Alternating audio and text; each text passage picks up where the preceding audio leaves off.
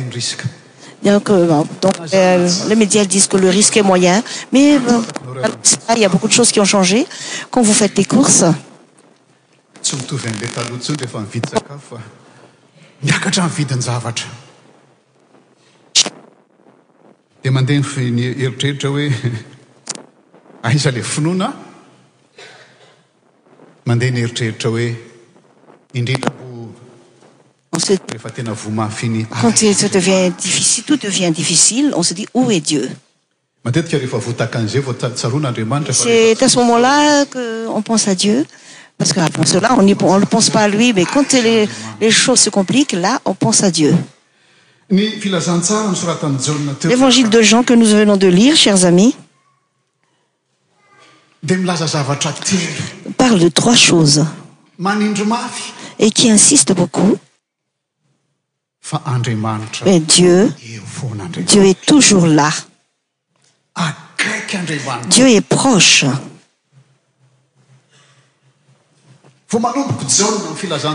qe gen i commence dans son évangile il dit au commencement était la parole la parole était avec dieu et la parole était dieu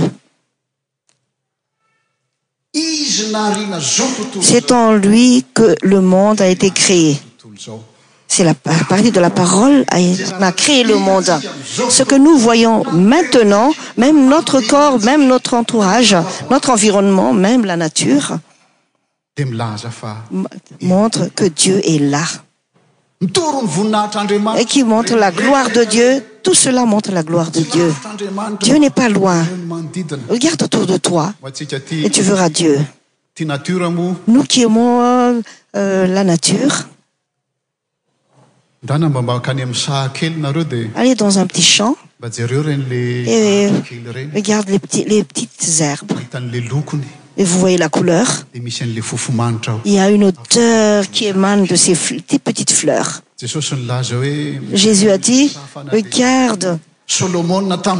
donc les fleurs même solomon dans sa gloire ne s'est pas vêtu de si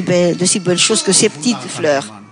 ceci montre la gloire de dieu la nature montre la gloire de dieu même notre corp montre la gloire de dieu si on dit où est dieu c'est de lui que vient toute chose dieu est là c'est faux quand on dit dieu n'est pas làle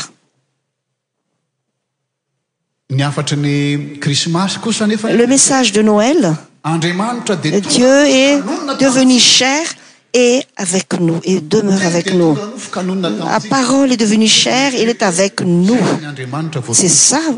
on dit pas seulement c'est là seulement que dieu est là il était toujours là mais pourquoi on dit il est venu il est arrivé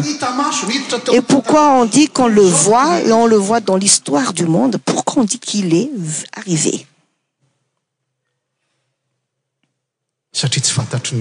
car l'homme ne sait pas lui est la lumière ah, ece qu'il et le raison d'être de la vie il ne sait pasece que n'est pas ce dieu là qui est le raison d'être de la vieil croit que dieu est loin ouqi ils dient que dieu est loin pourquoi ils disent que dieu est loinpar exemple lpôtre paul a dit quand il était en hèn quand il a vu que les athéniens prie beaucoup sont surtout des philosophes ce sont des religieux et qud paul était passé en athène et donc il a vu beaucoup d'hatelsil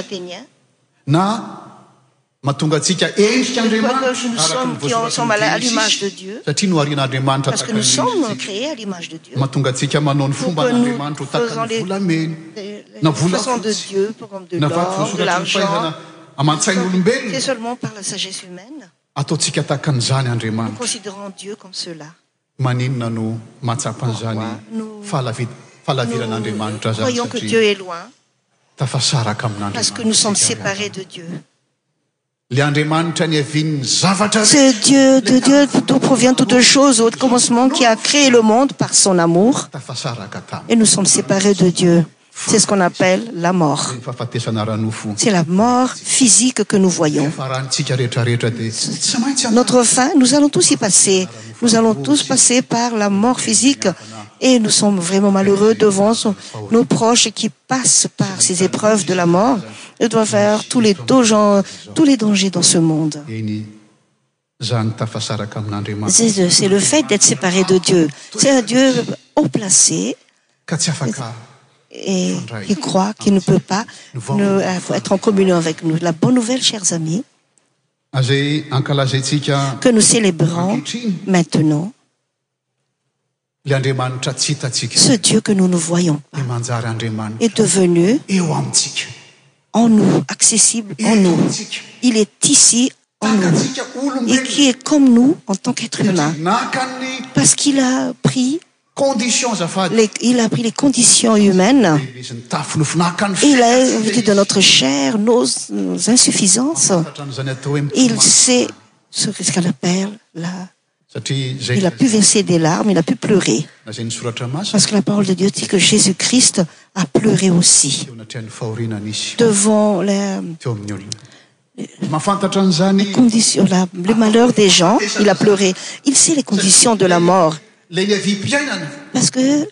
c'est de là où venait de la vie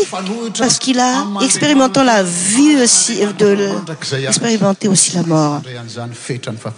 il a vu la limite de la mortc'est un dieu bon et amour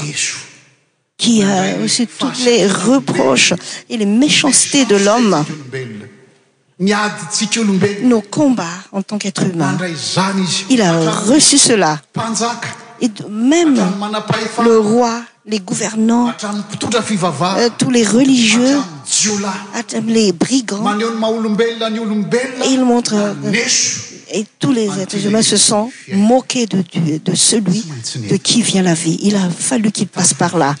i est le vêtu de la chair il a il sait tout cela il a expérimenté tout cela et ce que nous voyons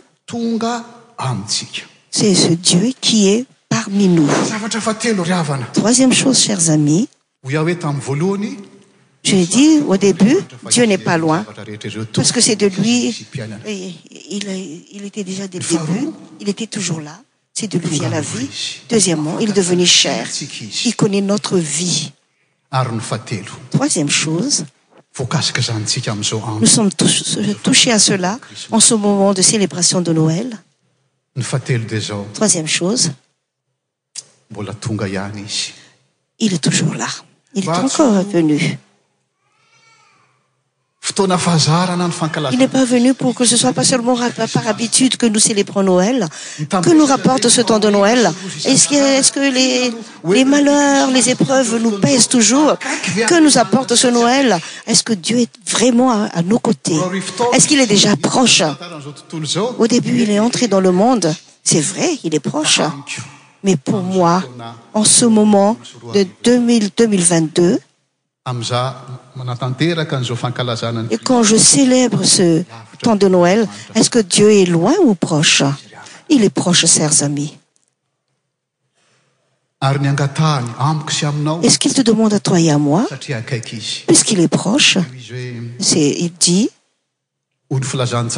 selon l'évangile de jean que nous venons de lire tout ce qu'il ont reçu il nous donne la force dête devenir des enfants de dieu ce qui croiet en lui est ce qui ne sont pas nés de la chair mais nés de ah, dieu nous sommes l'euvre c'est l'œuvre de l'esprit de dieu et en ce moment c'est l'esprit de dieu qui est avec nous pn coc toi et moi ah, nous voyons que ce dieu est vivantpour ah, que toi et moi pour que nous sachions que nous sommes des enfants de dieu et jean avait dit nous avons vu sa gloireqe c'est une gloire digne de le fils unique ah, qui est plein de euh, gloire et de justice et jen quand on a lu mais personne n'a jamais vu dieu le fils unique qui est dans le sein du père et celui qui l'a fait connaîtredonc l'épître hébreu donc c'est lui aussi donc c'esle flet de sa gloire et l'emprunte de sa personne et seutenant toute choses par sa parole puissante ce jésus-là Euh, euh, l'esprit saint lui a fait pour que nous le voyons pour que nous puissions voir sa gloire pour que notre vie misérable que nous qui croyons que dieu est loin pour que notre vie soit plei remplie de la gloire de dieu nous sommes les chrétiens sont appelés troi et moi qu'ils glorifions euh, noël nous sommes appelés à cela c'est comme christ qui est lumière qui est de arriver dans le monde toi et moi nous sommes appelés la lumière pour être la lumière pour que nous apportions la lumière dans le monde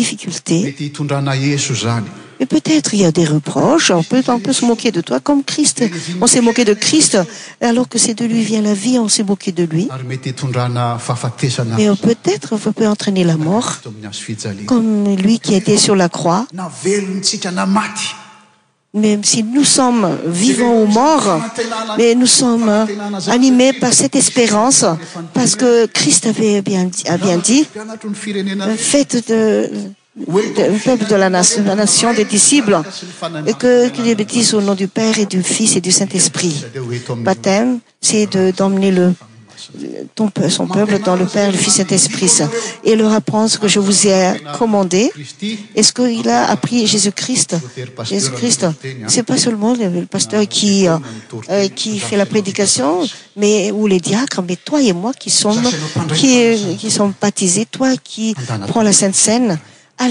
enseigne l'enseignement c'est pas euh, écoute je vais euh, prêcher pour toi le meilleur enseignement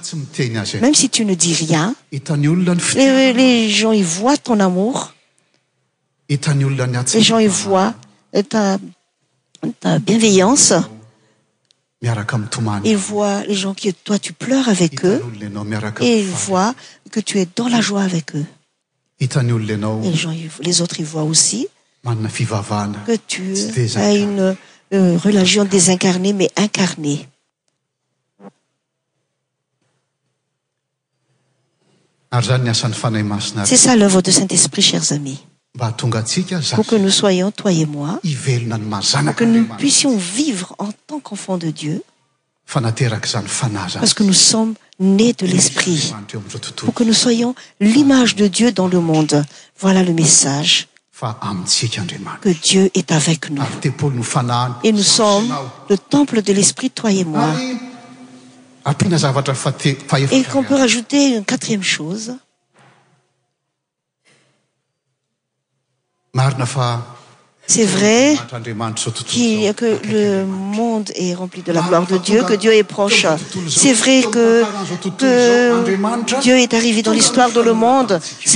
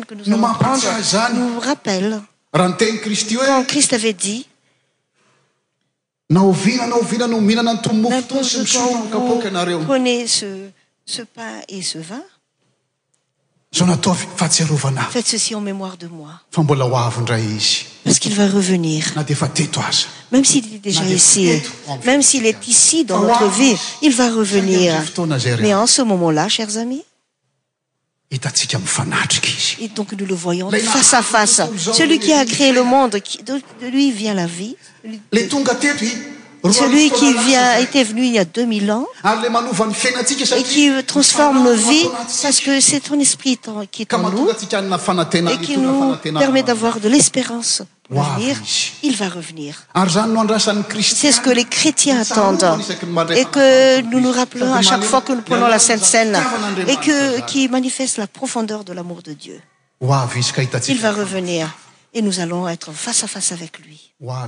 il va eveir et que nous soyons dans la joi il n'yaura plus de plur il n'y a plus de larmes il n'y a plus de mort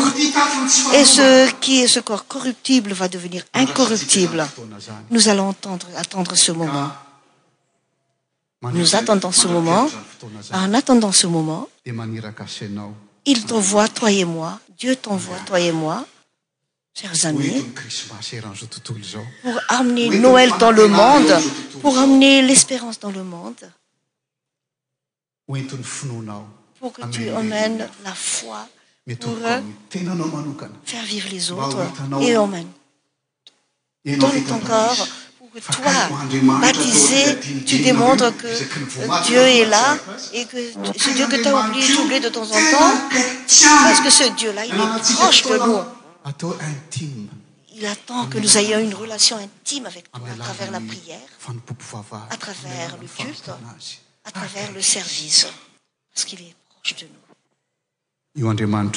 ce dieu-là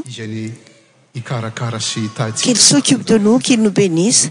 et que nous ayons la force d'accomplir le message qu'il a donné pour que nous puissions donner la joie dans le mondenous nous levons